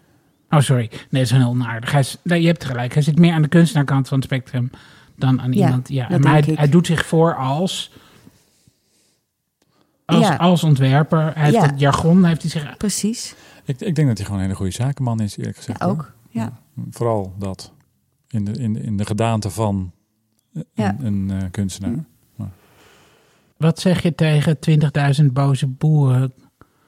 Eh, de ontwerper komt met een, eh, een prachtige, concrete oplossing. Of ehm, we willen allemaal best naar een ander soort van land toe. Ik denk de, de ontwerper kan pas de oplossing bedenken als het duidelijk is wat het probleem is.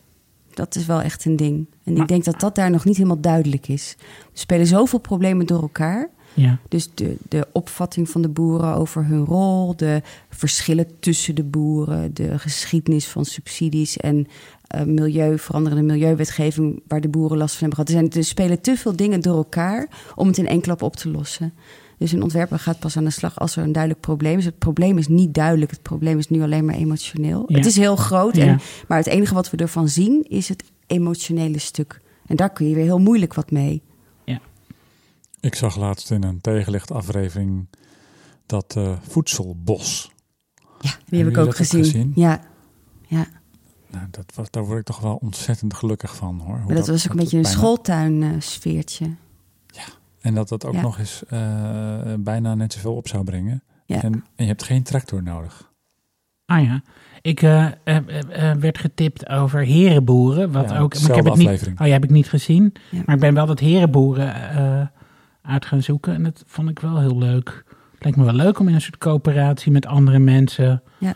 eh, Ja, en een wat boer daar- aan het werk te zetten. Nou, en dat was ook heel leuk, want de boer was ook heel gelukkig. Hè? Dat hij al die zorgen over die enorme investeringen, die bizarre hypotheken die die mensen vaak hebben, die extreme regelgeving die moeilijk te volgen is. Hij was gewoon in dienst van de coöperatie en kon dus weer lekker boeren. Ja, hij, Ja, hij dat was was ook leuk. denk ik thuis gebleven nu. Hij staat Ja. niet in Den Haag met zijn tractor. Nee, dat zou deze, goed kunnen. Deze herenboer. Ja, ik weet het niet. Ik denk ook dat de verontwaardiging bij die boeren best legitiem is, maar wel vanuit een bepaalde context. Dus het is, Ja. het is gewoon te complex in de war gerommeld. Ja, en, dat is, en, dan, en dan zie je allemaal dingen. Ja, maar boeren in Nederland die hebben allemaal vet bovenmodaal inkomen. Die moeten niet zeuren. Alsof geld dan het enige is. Je zit volgens mij aan die mensen hun totale bestaansrecht. Geen wonder dat ze boos worden. Precies. We zouden eigenlijk eens wat, mensen zouden eens wat vaker zo boos moeten worden als die boeren. Want daar kunnen hele goede dingen uit voortkomen. Ja, dus die, die woede. En eh, ja, dan zou ik als ontwerper vind ik de vorm dan niet helemaal goed gekozen. Nee. Tegelijk was het theatrale Nee, aspect nee, natuurlijk nee, spectaculair ja, met al die trekkers. Maar ja, nee, dus die op, op verontwaardiging was wel oprecht, maar wel heel divers binnen de groep. En dat maakt het wel moeilijk op te lossen. Ik wil nog even dit met je onderzoeken. Want ik vind juist vanuit je soort van activistische houding vind ik het heel interessant. Want eh, ja, wat kunnen we ervan leren als we wel de wereld een beetje willen omvormen? En dat willen we allemaal. Waarom eh, krijgt zo'n eh, Extinction Rebellion dan zo slechte pers? Ja, omdat ze gewoon eh, mensen tegenhouden in het ultieme symbool van vrijheid, de auto.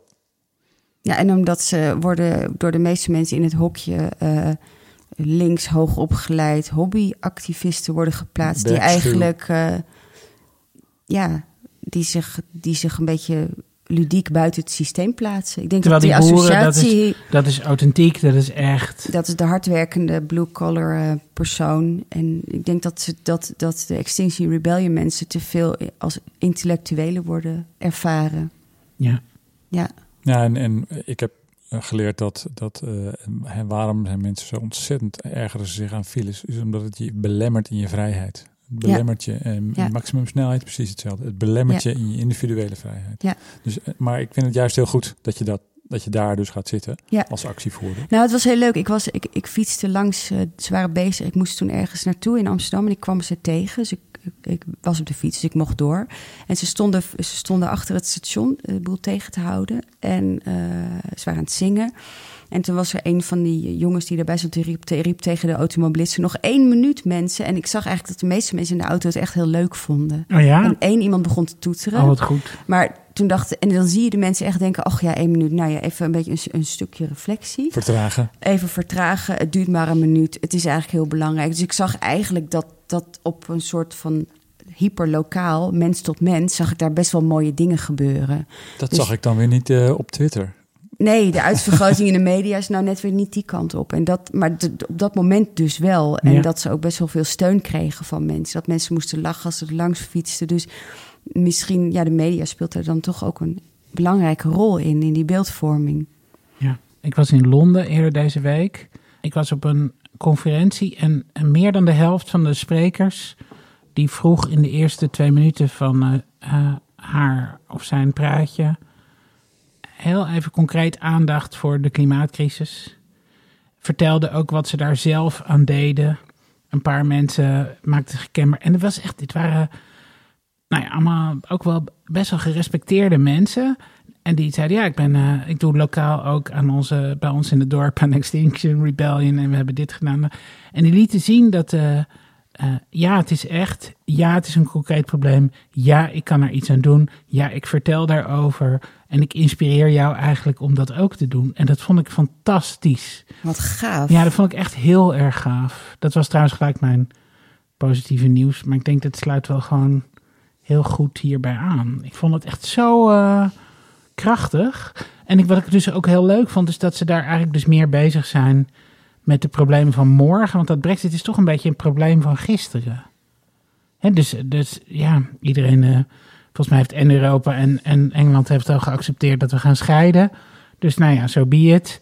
Maar, maar en, en mensen zijn daar gewoon al bedenken, wat is nu eigenlijk belangrijk om echt op te lossen? Want eh, die politiek zit daar muurvast, we moeten het zelf doen. En, en doen dat ook. En, en, en dat is misschien wat het verschil met Nederland. Daar zijn het dus eh, professoren, eh, mensen van in de tachtig die zich vastlijmen aan bruggen. Het is daar veel breder eh, neergedaald dat we echt iets moeten. En hoe kan dat dan dat dat dan hier niet gebeurt? Waarom niet die mensen zich aan bruggen vastplakken? Wat denk jij? Ik weet het niet. Nee, ik weet het ook niet. Maar ik denk, we zijn, Nederlanders zijn erg van het comfort. We zijn wel keurig hoor in Nederland met z'n allen.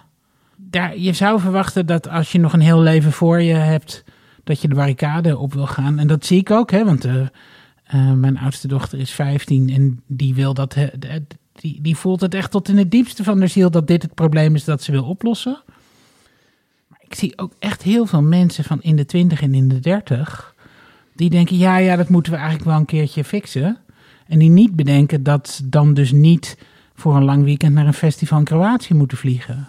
Snap je? Dus daar zie ik nog heel erg een, een, een, een zo'n direct conflict. Dus het is een beetje jouw file ding. Daar raakt het gewoon nog heel erg. Dat is hun. Hè, dus met EasyJet heel Europa door kunnen vliegen is hun vertaling van de vrijheid. Is niet meer misschien 160 in de auto, maar dat is dan dat. Kom daar niet aan. Ja, dus eh, de polderbaan platleggen. Ja. Dat is wat we eigenlijk moeten doen. En het beste was nog als de boeren op Schiphol gaan Nou ja, protesteren. dat is zo'n twee- gemiste kans. Hoe- Dat was toch te gek geweest als ze inderdaad Ontwerpen. gewoon zo'n baan hadden bezet. Geweldig. Dat had ja. ik echt zo, dan hadden ze echt iedereen meegekregen. Ja, Het was ja. echt zo leuk geweest. Ja, maar dan had leger ook ingegrepen, denk ik. Maar dat was ook echt zo goed geweest. Ja. Als dat allemaal was gebeurd. dat had ook moeten gebeuren. Ja. Ja. Jeetje. Dat, ik denk dat ik er dan ook naartoe was gegaan. ja. Want uiteindelijk moeten we het ook samen rooien. Dus Wel- we, we Wel maar ook met de boeren, hè, want ja, we moeten de boeren ook natuurlijk helpen met het is deze niet wij tegen zij. Dat is een onzin. Nee, Ja. zeker niet. Het gaat heel erg over dat we in gezamenlijkheid dat nieuwe model moeten vinden. Want we houden natuurlijk ook allemaal van boeren. Dus die moeten Tuurlijk. we ook houden. Dus, maar het gaat heel erg over dat, dat we, we- lijkt wel of we een beetje uit elkaar gespeeld worden. Ja. Eh, er stond vanmorgen een stuk in de krant in Trouw van de baas van Schiphol. Die zei, ja, we moeten wel meer vluchten hebben om het, de bedrijfsvoering van Schiphol goed te houden. Ik snapte gewoon niet wat hij wat hij bedoelde. Nee. Nou ja, en ik denk dus dat, dat Schiphol dus ook wel, lijkt ook wel voor een belang is om die boeren en de mensen uit elkaar. Want dan kunnen zij. Die systemen zijn weer zo vervelend. Maar Ja. die boeren op de startbaan, ik hoop dat dat nog een keer gebeurt. Ja. Ja. En ik weet uit betrouwbare bron dat dat ook echt niet waar is. Die bedrijfsvoering van Schiphol kan daar ook wel zonder, denk ik. Nou, dat is eh, mooi dat je dat zegt. Ja. Maar dat soort raadselachtige zinnen, die worden dan in zo'n interview gewoon opgeschreven. En dat je dan natuurlijk ook vraagt, wat bedoel je? Dan komt er natuurlijk ook geen antwoord. Nee. Dan is social media ineens niet meer zo social. Nee. En dat is, dat, dat is dus ook een soort arrogantie om die vraag dus niet te hoeven beantwoorden, blijkbaar. En hem ook niet vaak genoeg te stellen. Hè? Dus ehm, media werkt eh, hoor, wederhoor. En dat hebben we bedacht. We vragen iemand uit het extreme kamp A en uit het extreme kamp B. Maar dat betekent dat het, de eigenlijke vraag niet gesteld wordt aan de baas van Schiphol. Dus het is makkelijker om te zeggen van... eh, eh, aan de baas van Schiphol te vragen. Die zegt, ja, ja, dat moet dan voor de bedrijfsvoering. En dan ga je vervolgens aan, een, aan iemand die klaagt over... eh, dat hij last heeft van de kerosinedampen die onder de, en het lawaai omdat hij onder de startbaan woont. En dan zet je dat tegenover elkaar. Want dat is het grootst mogelijke contrast, mensen. Dat doet het goed, hè? Ja, we hoor en wederhoor gedaan. Dus eh, eh, journalistiek ook helemaal oké. Ja, maar mission niet accomplished. Want uiteindelijk heb je niet gevraagd hoe moet het dan? Of wat zouden we daarin kunnen veranderen? Of hoe Ja. komt het? Of is dat wel zo? Of, Ja. eh, ja, je maakt de dialoog eigenlijk onmogelijk door zo extreem te gaan. ja. Ik denk ook dat je de behoefte bij de, de lezer ook, eh, ook niet bevredigd hebt. Je hebt. Mensen hebben behoefte aan duiding. Ja, en oplossingen En- ook. ja. Ja, Ja, ja dus je wil moet- gewoon, wij willen wel Ja, wat dat... wat eh, ja. Alain de Botton altijd zegt over het nieuws, wat ik heel erg fan van ben, die zegt ook van, je gaat toch ook niet zeggen, oh, dus het gaat over kinderpornografie. oh, dus dan gaan we nu de voorstanders van kinderporno interviewen. Tuurlijk Nee. niet. Je Nee. gaat gewoon zeggen van, dit is er mis mee. Dit is gewoon nu al, dat gaan we alles aan doen om dat te stoppen. Ja, precies. En die, die intentie is dan dus heel duidelijk, omdat iedereen daar hetzelfde Ja, over denkt. Extreem voorbeeld. Ja, maar ja, dat, nee, maar je hebt helemaal gelijk. Het is verschrikkelijk. Heb je, heb je ehm, tips voor iedereen? Nou, voor onze luisteraars. Wat, wat kunnen zij doen om iets van jouw activistische houding over te nemen? Nou, ik, dat, dat, dat je meer kan dan je denkt. Maar het klinkt dan tegelijk te- heel leeg terwijl ik dat zeg. Want ik weet niet zo goed wat je dan daarmee moet.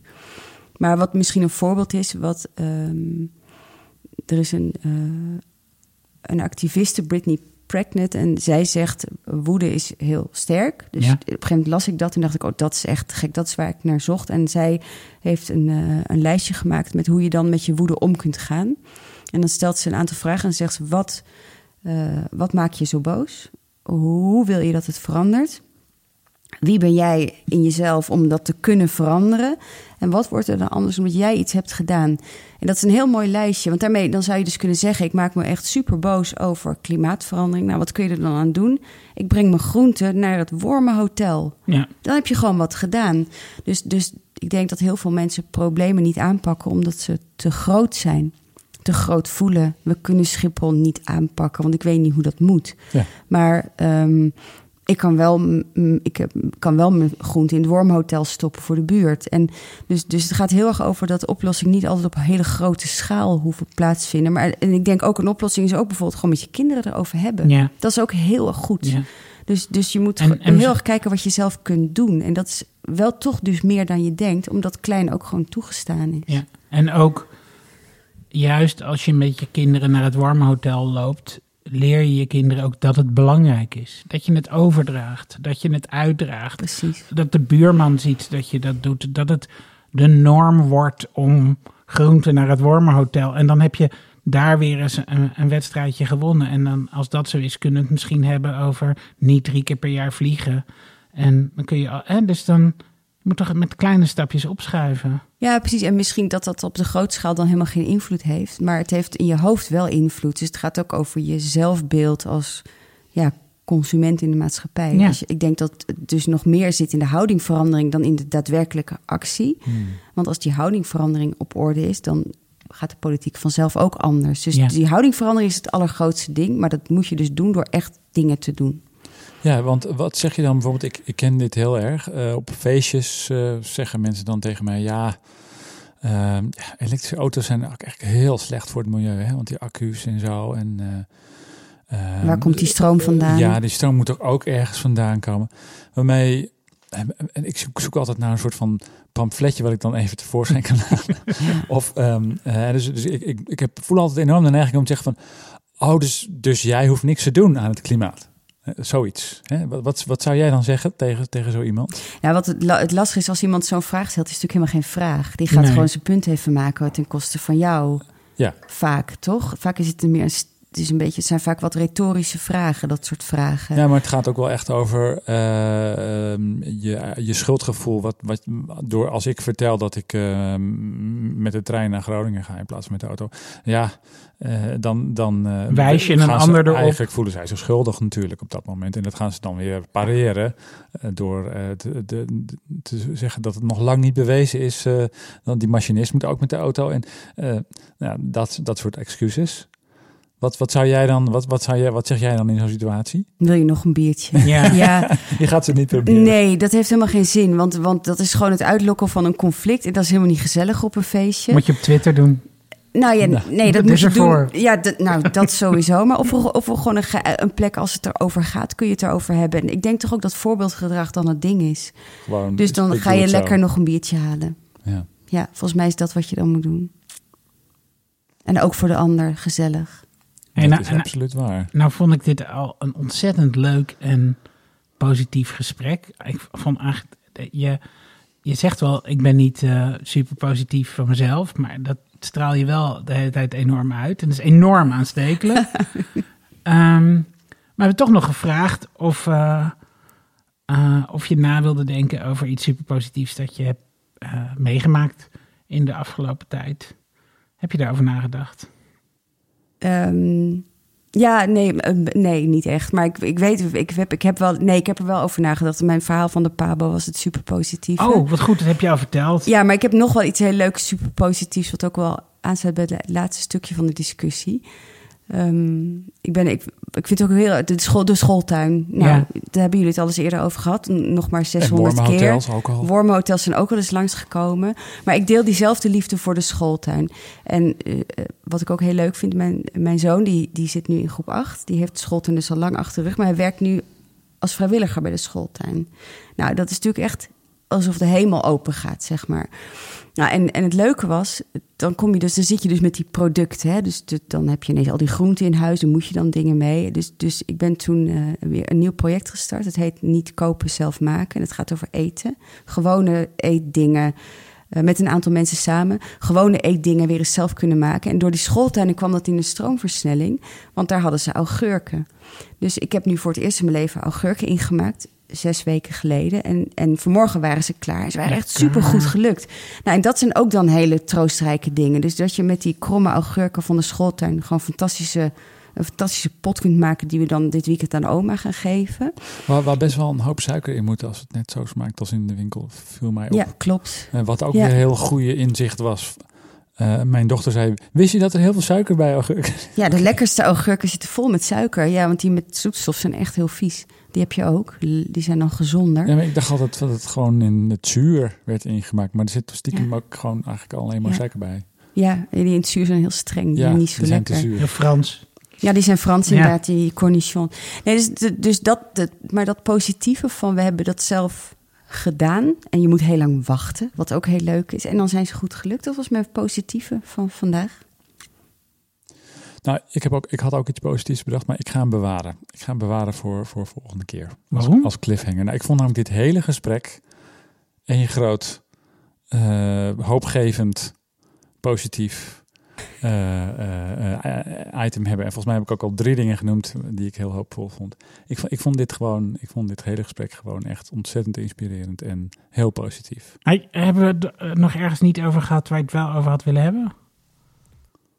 Nee, ik vond het een heel leuk gesprek. Nou, ik vond het heel leuk dat je er was. Dankjewel. Dank je. Dit was Glitch, eh, een podcast over de interactie tussen mens, machine en eigenlijk de rest eh, van de wereld. Ehm, naast me zit Laurens de Knuif. En naast mij zit David Linsen. Ehm, eh, de muziek is van Big Orange Music. Eh, als je eh, meer over ons wil weten, kun je dat vinden op eh, glitch.show. Daar vind je ook de show notes. Eh, kunnen we nog wat leuke dingen in stoppen. Zou Misschien ook ze- wel een tekening. Oh, echt? tekening van Ga je iets tekenen? Nee, van Astrid. Oh, dat vind ik nogal een vraag. Nou ja, wie weet. Er, er ligt hier kijken. een tekening, maar misschien mogen we die. Ah ja, de show notes zijn visuele show notes. Oh, Oh ja, wat goed. Oh ja, de visuele show notes zetten we, eh, zetten we op onze website. En Wat we ook heel leuk vinden en wat we eigenlijk echt heel graag willen, is meer van jullie horen. Dat kan via de mail op eh, redactie.glitch.show. Ehm, we hebben nog ontzettend veel leuke gasten gepland voor in het komende najaar. Ik kijk er enorm naar uit. Ik ga lekker nog niet zeggen wie het zijn. Maar er komen nog een heleboel leuke afleveringen aan. Ik ook. En tot ziens. Tot Dag. ziens.